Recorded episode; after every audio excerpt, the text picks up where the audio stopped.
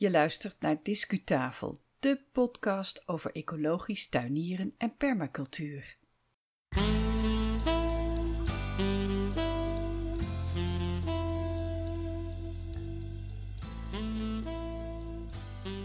Hallo, welkom bij de 58ste aflevering van Discutafel podcast.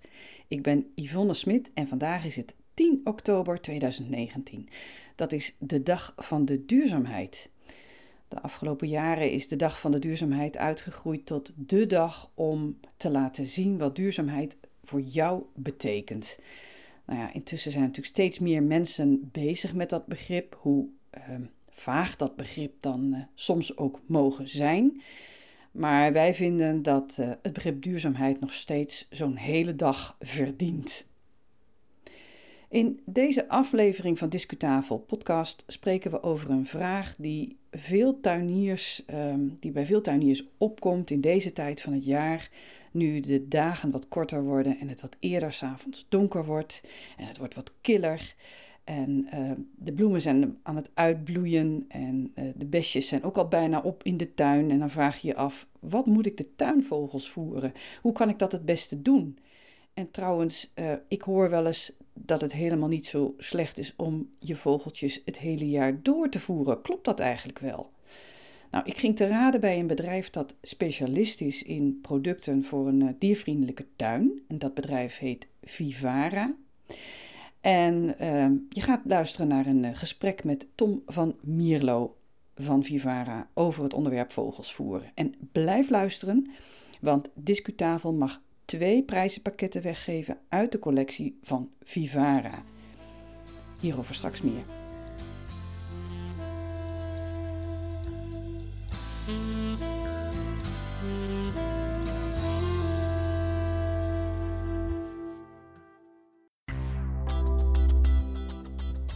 Discu-gesprek. Nou, intussen lopen we alweer uh, in het najaar naar de periode dat uh, je je gaat afvragen: wat moet ik nou toch mijn vogels voederen in de tuin? Moet ik dat wel doen? Is dat wel goed? En als ik dat doe, uh, voor wat voor tijdstip moet ik dan kiezen? Wat voor soort voedsel kan ik dat het beste kiezen? Nou, om hier uh, antwoord op te vinden heb ik contact gezocht met het bedrijf Vivara. Zij zijn eigenlijk specialist in allerhande uh, natuurvriendelijke artikelen voor je tuin. En ik heb nu aan de telefoon online marketeer Tom van Mierlo bij Vivara. Hoi Tom.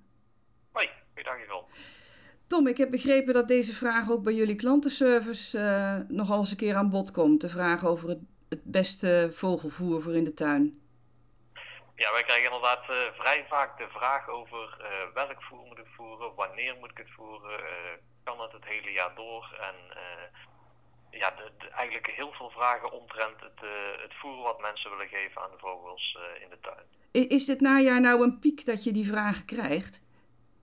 Uh, ja, dat is normaal gesproken inderdaad wel de piek. Het begint wel een beetje te verschuiven dat we het hele jaar door die vragen krijgen. Dat heeft eigenlijk meer te maken met wij en vogelbescherming die eigenlijk achter het concept staan van het hele jaar doorvoeren. Aangezien dat voor vogels heel goed is. Het kan namelijk helemaal geen kwaad als vogels uh, het hele jaar door uh, bijgevoerd worden. Maar inderdaad, in de, in de herfst-winterperiode dan uh, begint, die, begint die vraag wel vaker te komen. En dat heeft eigenlijk voornamelijk te maken met het, met het afname van bijvoorbeeld het aantal insecten wat te eten is. De, grond die bevriest, waardoor het wat moeilijker is voor vogels om eten te vinden. De bessen die van de struiken zijn. Dus dan beginnen de mensen weer steeds meer bezig te zijn met het, uh, het, voeren van de vogels in de tuin. Als je nou advies zou willen geven over het vogelvoer dat je het beste kan gebruiken in deze periode van het, van het jaar, uh, wat zou dan jullie antwoord zijn? Ja, in deze periode ga je meer richting het vetvoer en het echt calorierijke voer. Dat heeft een beetje te maken met de temperaturen die rond deze tijd komen, dan ga je toch wat, uh, wat lager op de schaal zitten. De zomer is echt voorbij. Uh, en dan, dan hebben vogels het zelf ook natuurlijk sneller koud. En daar hebben ze echt ja, calorierijk en energierijk voer voor nodig. En dan kom je al snel uit bij vetbollen, vetvoer, olierijke zaden, pinda's, dat soort dingen. Dan is de tijd van fruitvoer en gedroogde meelwormen bijvoorbeeld al echt voorbij. Dus dan ga je echt naar het calorierijke voer. En zijn er dan ook nog adviezen te geven over het moment van de dag waarop je dat voer het beste kunt neerleggen in je tuin of neerhangen in je tuin? In principe kun je dat gewoon uh, heel de dag in de tuin hangen. Vogels die hebben, uh, net zoals uh, wij mensen, eigenlijk wel een vaste ritme van, van voeren. Wij zien dat hier bijvoorbeeld ook in onze tuin. S ochtends is het heel druk. Daarna begint het weer eventjes rustig te worden en dan komen ze weer voor de lunch terug en voor het avondeten ook weer. Um, in principe kunnen ze natuurlijk heel de dag uh, af en aan vliegen. Vogels die bepalen gewoon zelf wanneer ze honger hebben, wanneer ze iets willen eten. Die zullen zich nooit uh, overeten zoals bijvoorbeeld een, een, hond kan doen als die een voer ziet. Dan kan die het allemaal in één keer opeten terwijl het misschien veel te veel is. En vogels die hebben daar eigenlijk wel een hele goede natuurlijke rem op zitten. Dus die zullen nooit meer eten dan dat, dan dat nodig is. En die, die eten eigenlijk net zoals de mensen ochtend, middag, avond. Wat leuk. ja, en volgens mij is het ook zo dat heel veel vogels die hebben een, een, natuurlijk een grotere terrein waarop ze vliegen. En ze zullen nooit van één tuin afhankelijk willen zijn. Dus ze, ze, pakken al, ze pakken bij de ene tuin dit en bij de andere tuin dat. Dat, dat klopt ook, hè? Ja. Ja, ja, ze, zijn, uh, ze zijn wat dat betreft uh, wel redelijk kieskeurig. In principe kun, kan iedereen in de buurt voer aanbieden en ze zullen altijd naar bij, bij iedere tuin wel wat vinden. Maar ze zijn ze wel op zich best kieskeurig in. Bijvoorbeeld een, een, een merel die wil bijvoorbeeld wat meer, wat meer fruit eten en die wil echt van de grond eten. Terwijl een, een pimpelmees of een koolmees liever uit een, uit een silo eet. Dus wat dat betreft zou je ook nog wel een beetje af kunnen stemmen van welke vogels heb ik uh, zie ik vaak in de tuin. Uh, en daar kan je dan je voer weer uh, wat beter op afstemmen, zodat je wel een grotere kans hebt dat de ene vogel in je tuin komt, terwijl de andere vogel misschien wat minder komt. Ja, dat is dus de, de plek in hoogte, zeg maar, die belangrijk is. Sommige vogels die fourageren in de natuur, ook in de bomen, zeg maar. Dus dan ga je voor zo'n mees inderdaad liever op een, op een voederplank zitten of, of een, een, netje ophangen. Terwijl merels en, en bijvoorbeeld ook... Um, hoe heten ze? Uh, hegemusjes, die zie je ook vaak op de grond scharrelen. Maar dan zit ik wel te denken, dus, dat is dus de, de, de hoogte, zeg maar. Maar ik denk ook aan de, aan de huiskatten. Um, wat betekent dit plek voor de vogels, uh, voor het vogelvoer als het gaat om die uh, vogeltjes die op de bodem fourageren? Ja, ze hebben het liefst, iedere vogel die heeft het liefst overzicht als die aan het eten is. Dus uh, zodra je bijvoorbeeld een uh, voedersilo naast, een, uh, naast of in een struik gaat hangen, dan zullen daar waarschijnlijk minder snel vogels opkomen dan wanneer je hem vrij in de tuin hangt, bijvoorbeeld onder een boom of iets dergelijks. Vogels die hebben net zoals, die hebben niet alleen bij voederplekken, maar ook bij nestkasten bijvoorbeeld, graag uitzicht op de situatie. Bijvoorbeeld om, uh, om een aanval van een kat uh, te kunnen ontwijken of van een buizerd of de, dat soort beesten die, die echt een bedreiging zijn. Daar willen ze het liefst bij uit de buurt blijven. Dus als je voer ophangt, zorg altijd dat het op een open plek is. Het liefst in hun vliegroute. Dat is nog het makkelijkste. Dan kunnen ze snel af en aan vliegen.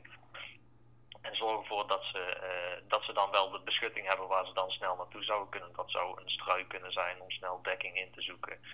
Uh, of, een, of een boom bijvoorbeeld. Maar het is inderdaad uh, zorg ervoor dat er altijd een open ruimte is waar de, waar de voedersilo hangt. Uh, dat ze het overzicht hebben dat ze niet in gevaar kunnen komen. Nog even terugkomend op die hoeveelheid zit ik ook te bedenken. Ja, um, ja vogels overeten zich niet snel, zeg jij. Um, maar als ze dus s'avonds altijd wat laten liggen, dan trek je daarmee misschien ook weer dieren aan die je liever niet in je tuin wilt hebben. Dus in dat opzicht is het misschien verstandig om te observeren of jou, de vogels in jouw uh, omgeving de hoeveelheid ook in één dag opeten. Daar zou je inderdaad op moeten letten als je echt uh, uh, volledig ehm, ongediertevrij wil zijn, dan zou je bijna beter geen voer op kunnen hangen. Maar dat is, ja, dat is eigenlijk ook geen optie. Wat, wat bijvoorbeeld wel een optie is, is bijvoorbeeld een schaal onder een silo waardoor er geen voer op de, op de grond valt of iets dergelijks. En vetbolletjes, daar valt vaak weinig van af. En dat zijn een beetje de opties die je hebt. Er zal altijd, maar dat is niet alleen met, uh, met vogelvoer, dat is, zijn ook gewoon de insecten in de tuin. Er zal altijd wel een muis door de tuin gaan. Die komt bijvoorbeeld op het vogelvoer af, maar die kan ook gewoon op de uh, insecten op de grond afkomen. Um, in principe, uh, als je een ehm, silo ophangt, zorg dan dat hij bijvoorbeeld aan een boom hangt, dat het minder makkelijk is voor bijvoorbeeld muizen om erbij te komen. Kijk, als je iets aan, de, aan een schutting of aan een, aan een muur hangt, dan kan er altijd een muisje bij komen. Maar die kans is over het algemeen, wij merken het hier bijvoorbeeld in de tuin, is niet erg groot dat wij hier vaak uh, ongedierd, om het zo maar te zeggen. Nee, oké. Ja, nou, dat, dat, dat, dat woord dat, dat spreken we ook niet zo gauw uit hoor, hier in deze Discutafel podcast. Dat, zijn allemaal dieren, maar ik kan me voorstellen dat als je in de buurt van een sloot zit of zo en je hebt de ratten in de sloot, dat je die niet nog extra wilt lokken. Hè? Dat is eigenlijk meer mijn, nee, inderdaad, Over het algemeen zijn mensen daar niet zo'n grote fan van. Nee, nee, nee, nee. nee. Hey, en, en als, als slot, hè? Je, um, het, is nu, het is nu najaar en we hebben het gehad over calorierijk, olierijk uh, voedsel.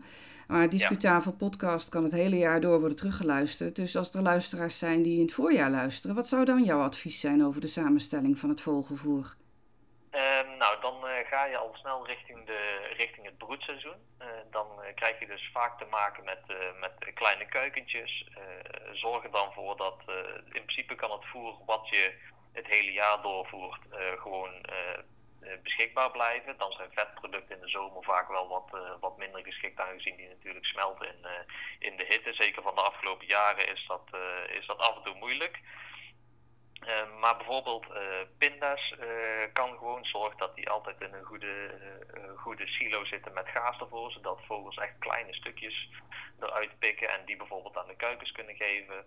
Maar dan ga je ook alvast uh, bijvoorbeeld naar een periode dat je meer levend voer gaat geven. Dat is wat natuurlijker voor de vogels. Bijvoorbeeld levende meelwormen of uh, larven. Of uh, bijvoorbeeld ook gedroogde, gedroogde meelwormen die, die je met een klein beetje water nat kan maken. Waardoor ze eigenlijk net ogen als levende meelwormen. En die worden dan ook gewoon aan de, aan de kuikens gevoerd. Zorg er in ieder geval voor dat als als je voer aanbiedt, dat het altijd klein is, gehakt is. Dus eh, echt kleine stukjes, zodat het uh, veilig is voor, uh, voor de kuikens. En dat, uh, dat natuurlijk de ouders er ook gewoon van kunnen eten. Want het is een hele intensieve periode, die, dat voorjaar voor, voor de ouders. Ja, ja, oké. Ik heb toch nog één vraag bedacht.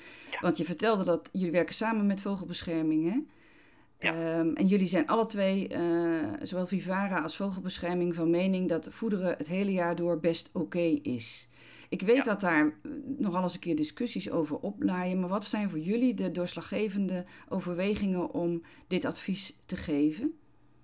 Nou, er zijn al meerdere onderzoeken naar gedaan, zowel in Engeland als in Duitsland. En die wijzen eigenlijk allemaal uit dat het geen kwaad kan om vogels bij te voeren.